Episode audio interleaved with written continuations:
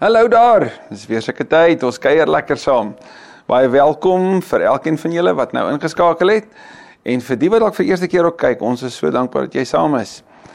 Dankie dat dat jy jou tyd opoffer, dat jy tyd maak hiervoor. Mag ons reis vandag weer vir jou en my dieper vat in ons kennis van die Here, dieper ontdekking van sy hart, van van wat dit is en wat dit beteken om hom te volg. Ons is besig met die Heilige Week. Ons het verlede week stil gestaan by die donderdag aand se nagmaal. Ons is steeds in daai situasie. Verlede week sê jy kan onthou die die Woensdag het Judas met die met die Fariseërs en die skrifgeleerdes, die Sanhedrin gaan praat. Hulle begin planne maak om Jesus gevange te neem. Intussen het Jesus aan huis van Simon die Melaatse, so leer ons uit die ander evangelies uit, het hy in Betanië die dag gespandeer, daar sy gesalf en toe teen die donderdagmiddag is die lammetjies natuurlik geslag en het hulle die die Pasga Die donderdag aand het hy dit saam met sy disippels gevier. Hy het eers vir Petrus en vir Johannes vooruitgestuur. Hulle het dit voorberei. Hulle het aangelê en en terwyl hulle besig was om hierdie maaltyd te vier, die reuk van die skaapvleis, die reuk van die vars brood, draai Jesus dit. En verander hy die Pasga na die Paasmaaltyd of soos ons dit ken, die nagmaal. Die Nuwe Testament, die Nuwe Testament begin net daar wanneer hy sê maar hierdie is my liggaam en hierdie is my bloed. En dan eindig daai gedeelte met Jesus se uitspraak oor wie hom sal verraai.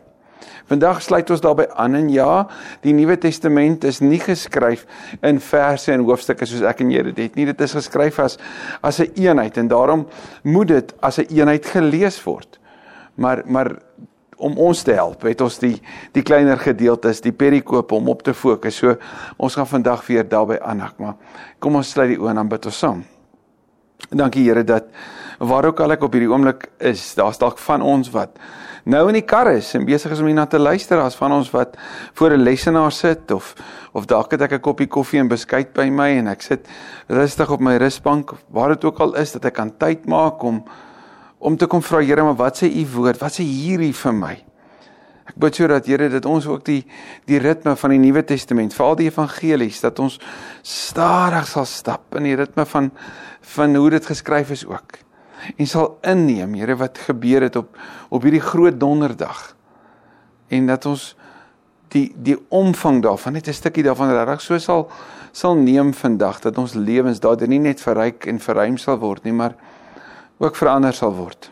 In Jesus se naam bid ek dit. Amen. Lukas 22. Jesus het nou net vertel oor oor wie hom sal verraai en kyk dan net hoe onmiddellik draai die situasie wanneer die disippels daar terwyl hulle aan tafel lê terwyl hulle dan met mekaar in gesprek is, waaroor praat hulle? Vers 24 sê daar het oneenigheid onder hulle ontstaan oor wie van hulle as die belangrikste beskou word.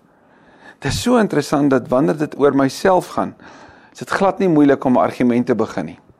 As ek myself wil verdedig en my myself wil verhef, dan is dit nie moeilik om met iemand in 'n gestryery betrokke te raak nie.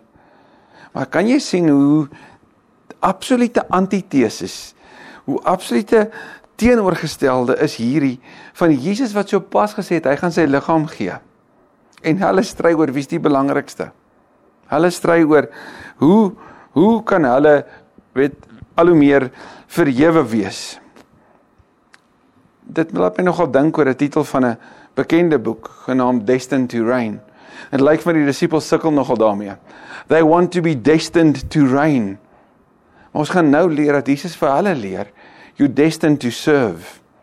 Dit gaan nie oor die oor die heerskappy, oor die name it en claim it nie. Dit gaan oor diensbaarheid want hulle mis die punt. Ek en jy kan dit ook net so maklik mis, nê.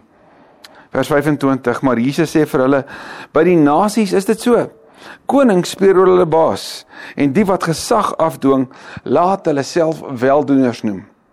Jesus sê by die nasies, eintlik hier in die wêreld waarin ons onsself bevind, gaan dit oor mag en gesag. Oor wie is baas? Oor wie gee die meeste? Dit is interessant dat hulle wat dikwels gee, het nogal die die eie verstaan dat hulle kan eis. Hulle kan vra. Hulle kan baas speel en wanneer hulle praat, verwag hulle dan moet gereageer word. En dat dit gaan oor hierdie hiërargie. Dit gaan oor hierdie leer wat ek wil klim sodat ek oor ander kan heers en baas speel en die woord weldoeners hier in die Engels is patron en die beginsel van patronage is wanneer iemand 'n weldaad aan iemand anders pleeg maar nie in die geheim nie, nie in die stilte nie. Jy so dat ek die erkenning kan kry. Met ander woorde, as ek 'n slaaf sou vrykoop, dan is ek daai slaaf se weldoener. En dan moet daai slaaf in die openbaar rondloop en my eer besing. Onthou die geval van Rut? Sy het 'n losser nodig gehad. Iemand wat 'n weldaad aan haar kom pleeg en Boas was presies dit. Nou in die wêreld van openbare erkenning in die wêreld van eer en skaamte was dit vir weldoeners baie belangrik dat die weldade wat hulle gepleeg het oral bekend sou wees.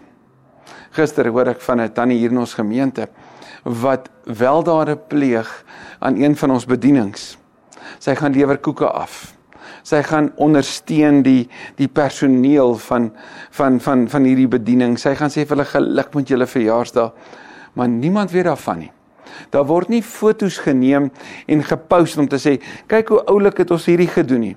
Daar word nie die hele tyd gepraat oor wat sy doen nie want sy doen dit daar waar niemand van weet nie. Dis die gesindheid waarvan Jesus nou met hulle wil praat. Want in 'n wêreld waar ander uitreik na nood en dit dan post en daarom die eer nie erkenning kry, Kom sê Jesus, maar dan moet iets anders wees. Moenie soos hierdie weldoeners wees wat in die openbaar geerken wil word nie. En nee, dit beteken nie ons moenie ons stories deel van waarmee ons betrokke is nie, nê? Natuurlik, want ons kan mekaar daarmee motiveer. Maar as dit alles waaroor dit vir my gaan, dan is ek soos die wêreld, soos die nasies. Dis wat Jesus hier sê. Vers 26: Maar by julle moet dit nie so wees nie dan moet iets anders wees aan julle. Inteendeel, kyk wat sê Jesus, hoe werk die koninkryk se rangorde? Die belangrikste onder julle moet soos die geringste wees. En die een wat die leier is, soos die een wat dien. So miskien is dit belangrik dat ons hier dus mekaar sê dat wat Jesus hier sê is dat as jy in die koninkryk van God wil wil dien, moenie jou pak aantrek nie. Trek jou voorskoot aan. Dit begin onder. Die rangorde by die koninkryk is regtig dat hulle wat eerste is sal laaste wees en hulle wat laaste is sal eerste wees. So wie's die belangrikste in die koninkryk? Hulle wat die meeste dien. Hulle wat eerste kies om te dien. Ek lees dit. Een van die kommentare sê: He who was named King of Kings chose to be the servant of servants.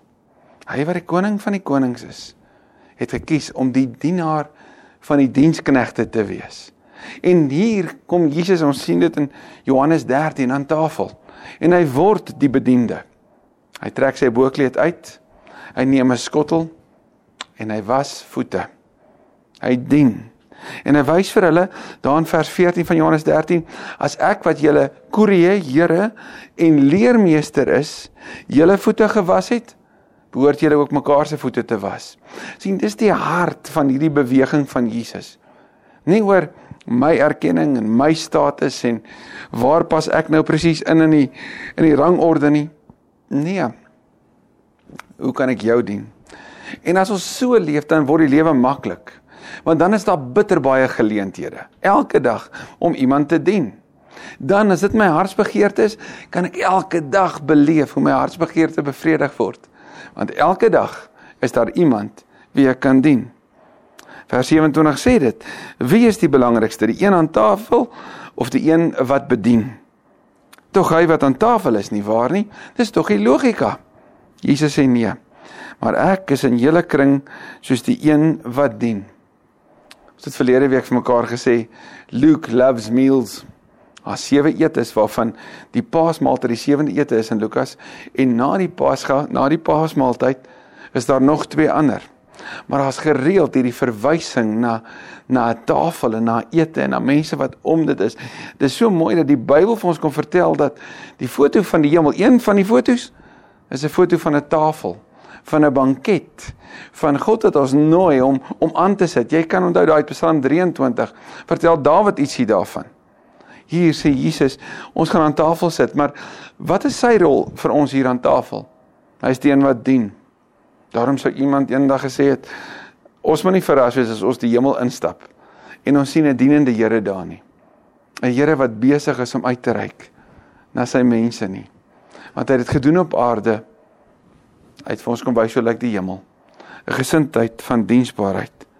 sien om te leef as 'n dienaar.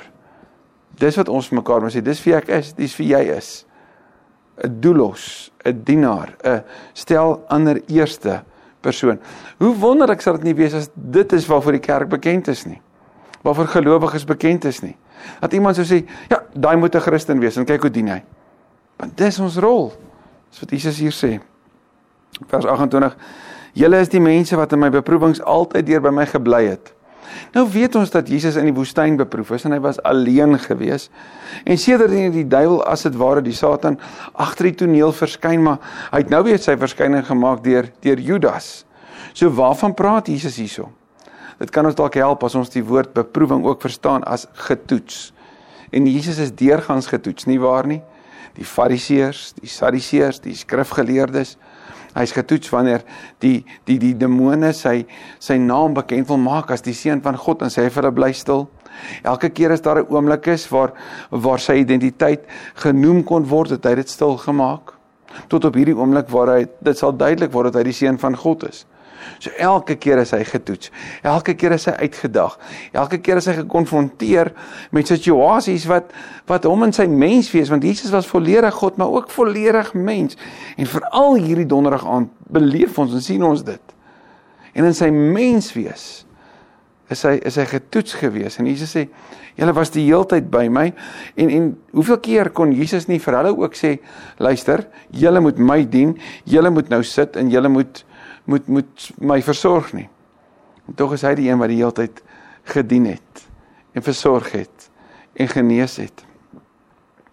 Net soos my Vader 'n koninkryk aan my bemaak het, so bemaak ek 'n koninkryk aan julle. En hier moet ons nou mooi verstaan. Hierdie is in die lig van die vorige konteks. En die in die in die breër konteks sê, dis 'n koninkryk van dienaars. 'n Nuwe koninkryk, 'n nuwe wêreld met met 'n met 'n nuwe grondwet wat anders werk.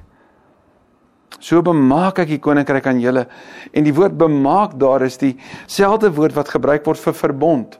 Met ander woorde daar's niks wat ons kan doen om om dit te verdien om in hierdie hierdie koninkryk te kom nie.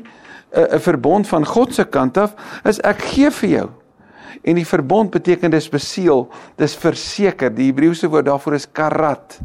Dit is 'n besliste feit dat jy burgers is, dat ons burgers is van 'n ander ryk. Hy sê ek bemaak dit aan julle en kyk nou mooi sodat julle in my koninkryk aan my tafel kan eet en drink. So julle wat hier saam met my sit, daar's 'n fase wat vir julle voorlê en daar's 'n ewige ryk wat daarna sal gebeur. Julle gaan saam met my aan tafel sit en op en op trone kan sit om oor die 12 stamme van Israel te regeer. En onmiddellik gaan gaan die Jood binne in elkeen van hulle sê ja. Hierdie is die vervulling van van die Ou Testamentiese belofte. Hierdie is ons ons weet ons ons vaste oortuiging dat Jesus gekom het, die verlosser gekom het, die Messias gekom het om ons te laat regeer boor al die ander oor die oor die wêreld en hierdie natuurlik sal hulle eie behoefte om te kan heers en belangrik te wees waar waarmee die gesprek begin het natuurlik voed. Maar Jesus het nou net vertel dat hierdie koninkryk werk anders. So die woord regeer daar, waaraan dink jy sou dit kon wys? Dat jy saam met my oor die 12 stamme van Israel kan dien. Kan van onder af kom. Ander kan eerste stel. So hierdie gaan nie oor Israel se verstaan van heerskappy nie. Hierdie gaan oor 'n koninkryk wat anders werk. En waarin hulle die voorreg voorreg sal kry om te kan dien dan ook binne die kerk want die die boodskap van hierdie 12 stamme is nie Israel nie. Die boodskap is die universele kerk reg oor die wêreld. En dan draai Jesus na Petrus toe. Nou moet ons weet Petrus is Jesus se se goeie vriend. Jesus het aan die huis van Petrus gebly daar in Kapernaum. Jesus het Petrus se skoonmoeder genees. Jesus het dikwels gesprekke met sy disippels aan Petrus se huis gehad. Jesus het in Petrus se huis toe die dak oopgemaak is en daai man afgesak het, het het Jesus daar daai man genees. Hy het daar lering gegee. So so baie het gebeur. Petrus was Jesus se se naby vriend gewees. Dit was juis Jesus en Petrus wat gestap het na die berg van verheerliking na Petrus se huis toe. So so wat sê Jesus dan nou vir hierdie naby vriend van hom? Hierdie rots wat Jesus genoem het Simon, jy sal Petrus wees. Jy sal die rots wees. Hy sê Simon, Simon en die herhaling kom sê iets van 'n sagtheid. Simon, jy moet aandag gee. Luister. Die Satan, die teenstander, het daarop aangedring om julle soos koring te sif.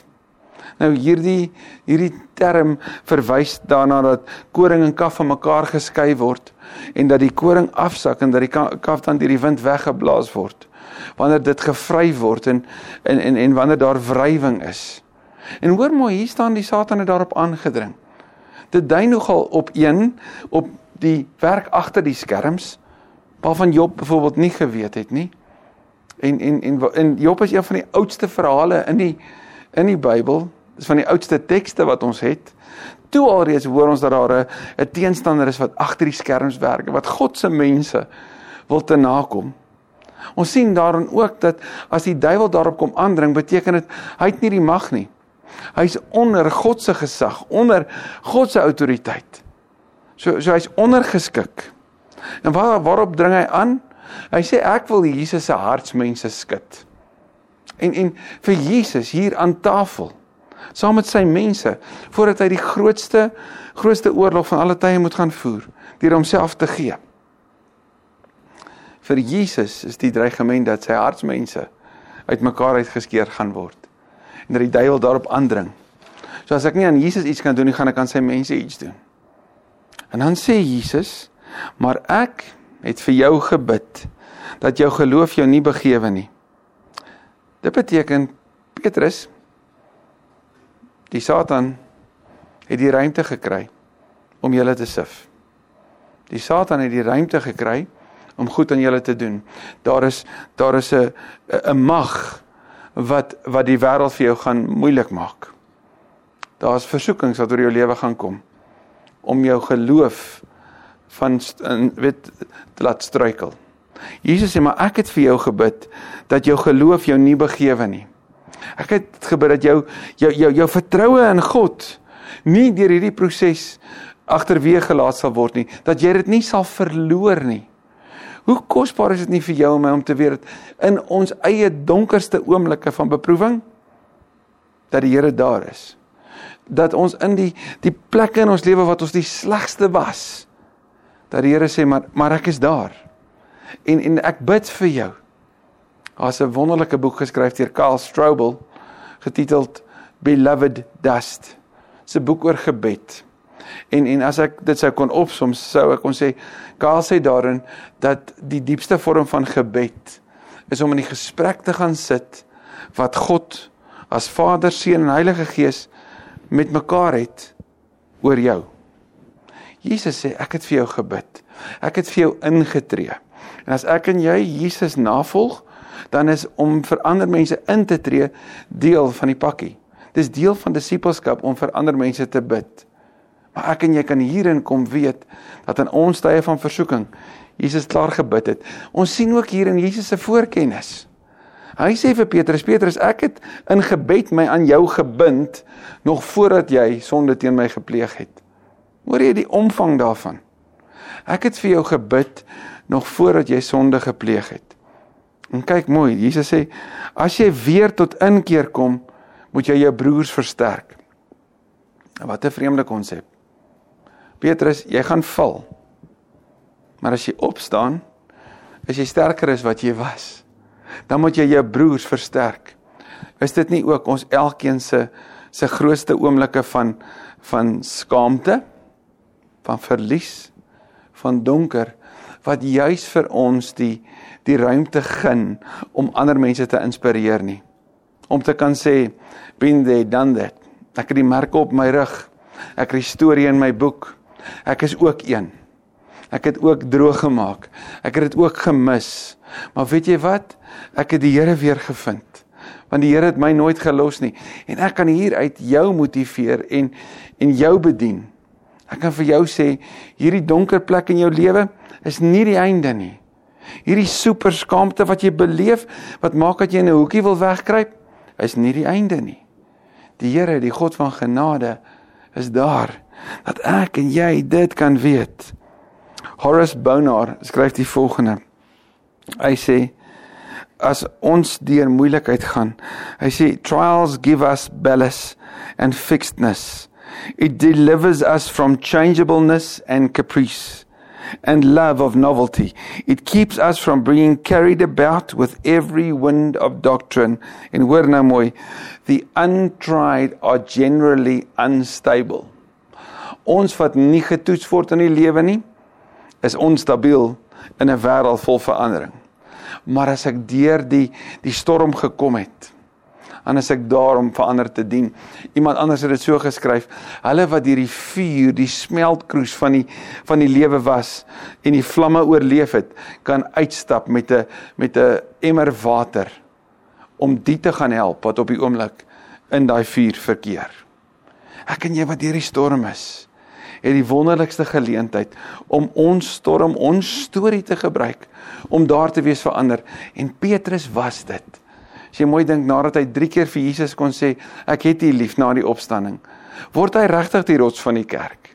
Word hy die een wat in die Jerusalem gemeente die leiding neem en uiteindelik is dit sy leierskap wat daartoe bydra dat die heidene die evangelie hoor.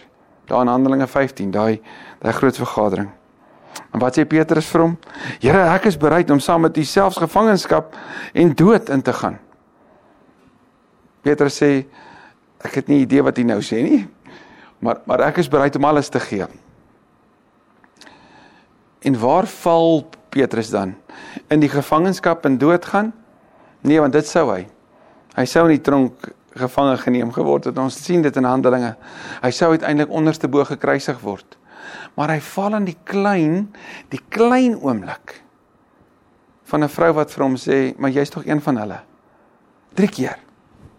3 keer in die eenvoud van die klein, van die eenvoudige.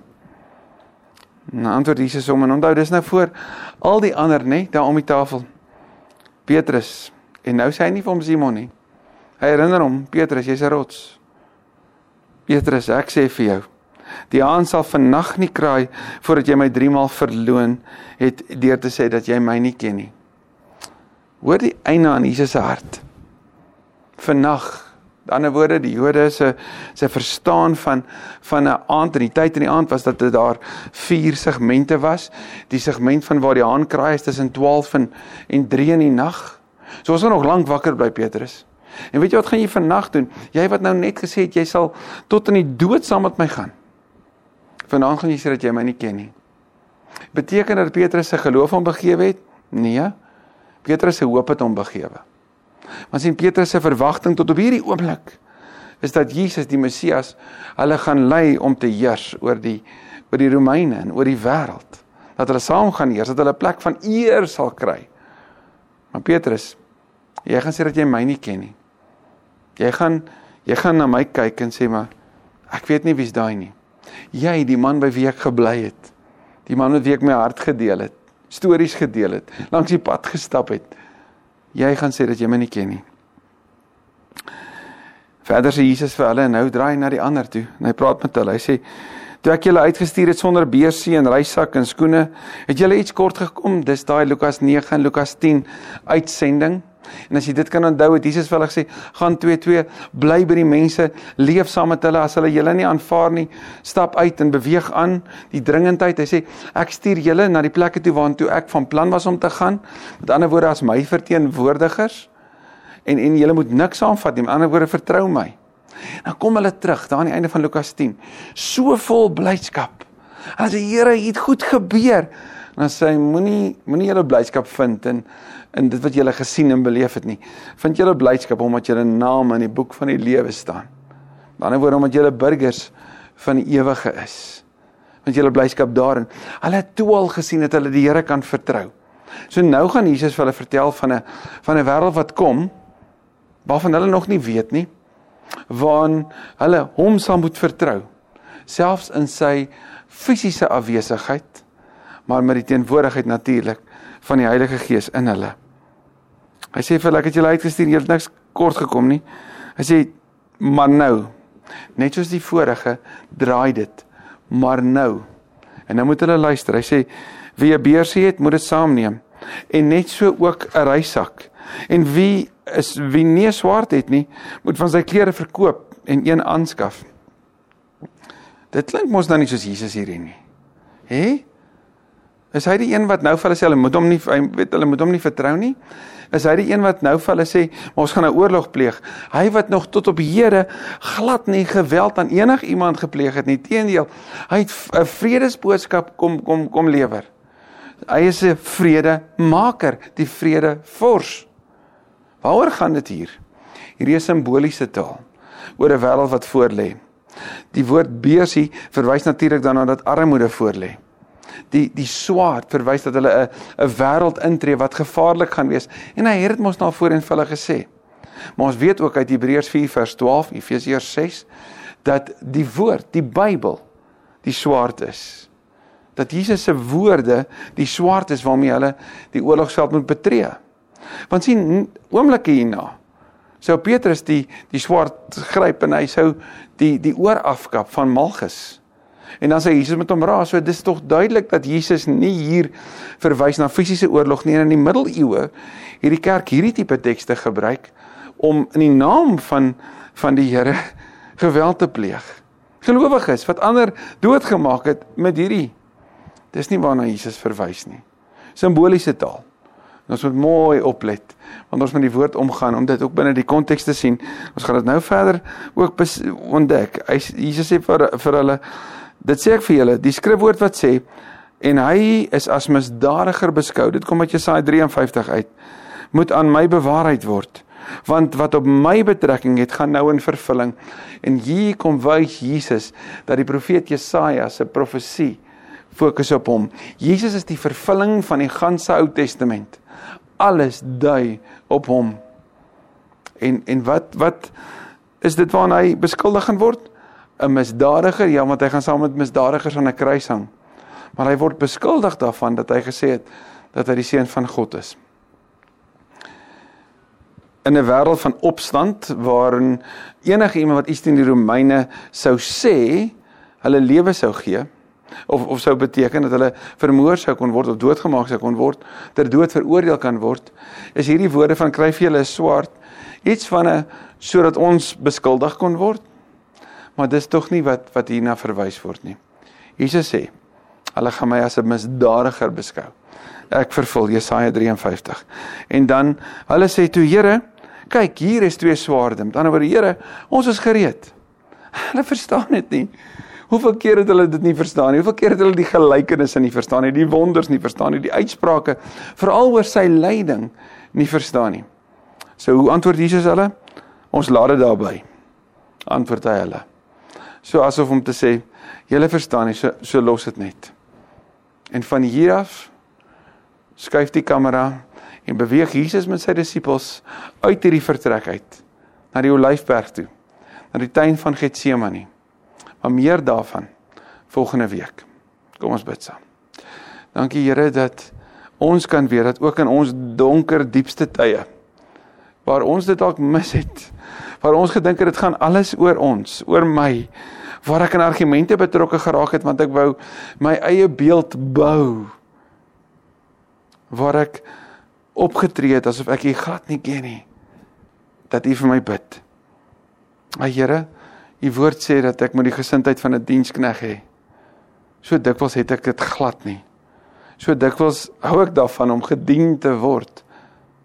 Ek sê jammer daaroor. Ek bely En ek vra soos wat Petrus daar aan tafel in Johannes 13 gevra het. Here, was dan nie net my voete nie, maar my hele lyf. Was my skoon. Dankie dat U vir ons ingetree het nog voordat ons gesondig het. Dit is so 'n wonderlike vertroosting. Ons eie sonde vang ons soms onkant. Dankie dat dit U nie onkant vang nie. Mag ons as U kerk ook in hierdie lydenstyd leef met die gesindheid van die Here wat ons glo en bely dat ons hom liefhet. Mag ons so leef dat ons eer aan U bring in Jesus se naam. Amen. Amen. Mooi week vir jou.